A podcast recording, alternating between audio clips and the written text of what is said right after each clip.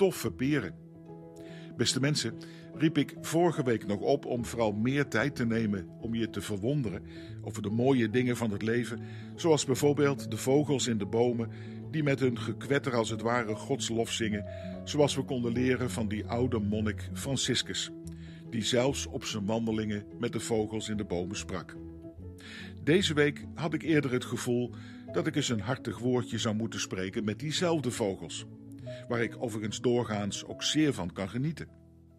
Maar deze week was ik toch echt teleurgesteld in ze en heb nog een appeltje, of beter een peertje met ze te schillen. Dat gebeurt overigens wel vaker in het leven, dat we juist met diegenen die we zo bewonderen, respect voor hebben of zelfs lief hebben, ook af en toe teleurgesteld kunnen zijn. En dat kan natuurlijk van twee kanten komen. In onze tuin staan een aantal vruchtbomen waar we trots op zijn. Onder andere een appel- en een perenboom. Elk jaar is de vraag welke van die twee de meeste en de grootste vruchten zal dragen. We verzorgen die beide bomen naar behoren. We schoffelen wat, halen wat onkruid weg, snoeien op tijd en geven wat mest. Ach, heel veel omzien heb je er niet naar, maar de opbrengst zien we toch ook een beetje als de vrucht van onze handen. Ook natuurlijk in het besef dat groei en bloei een wonder en zegen van boven zijn. Maar dat geldt natuurlijk voor alles wat we in het leven mogen doen. Ons werk is toch ook maar vaak wat schoffel en mistwerk. En om af en toe je werk toch ook wat bescheidener en betrekkelijker te bekijken met een zekere humor, dat kan af en toe beslist geen kwaad lijkt me.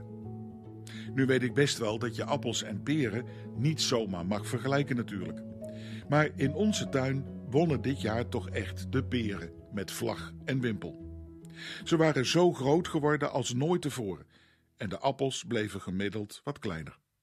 We besloten dus nog even wat te wachten met de oogst en moest dus ook de appel en de perentaart van oma, deels uit eigen tuin, toch nog even wachten. Dat laatste wachten bleek desastreuze gevolgen te hebben.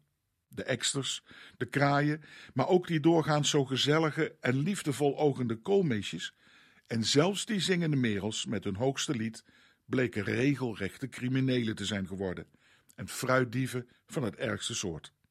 Zij konden blijkbaar wel kiezen tussen de appels en de peren. En hun voorkeur ging dit jaar vooral naar de peren uit, die ruw werden aangepikt en soms zelfs compleet uit de boom gerukt. Ik ben bang dat hoezeer ik die Franciscus ook waardeer, een goed gesprek met onze fruitdieven toch echt niet gaat helpen. Ik moest denken aan woorden uit de Bijbel, uit Jesaja 3, waar staat: Gelukkig de rechtvaardige. Het gaat hem goed. Hij zal de vruchten plukken van zijn daden.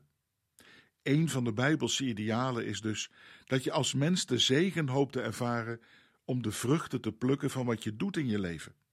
Dat je ergens resultaat mag zien van je doen en laten, van je werk, in je gezin, in wie en wat je mag zijn in deze wereld, ook voor anderen. Ik denk ook tegelijkertijd dat we allemaal wel ervaringen hebben dat allerlei zaken en gebeurtenissen in het leven soms die opbrengst aardig lijken weg te pikken.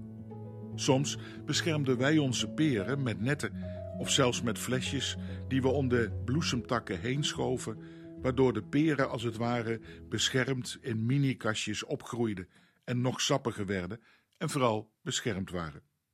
Maar in het leven zelf is helaas niet alles te beschermen. En genieten van de opbrengst van onze handen is wat mij betreft dan ook dankbaarheid voor Gods zegen maar misschien moeten we tegelijkertijd ook meer leren te gunnen aan die ander. Ja, misschien zelfs wel aan die kraai en de ekster, het koolmeesje en de merel. Om het met Franciscus tegen ze te zeggen: geniet er maar van. En blijf vooral met jullie gezang ons toezingen als lof aan God. Genieten van de opbrengst van jou en mijn handen wordt denk ik nog mooier als we ook gunnend leren delen met anderen in geloof, hoop en liefde ook anderen als het ware die peer te gunnen. Omdat het immers beter is te geven dan te ontvangen. En je wordt er zelf een toffe peer van, zou ik zeggen. En de samenleving nog mooier.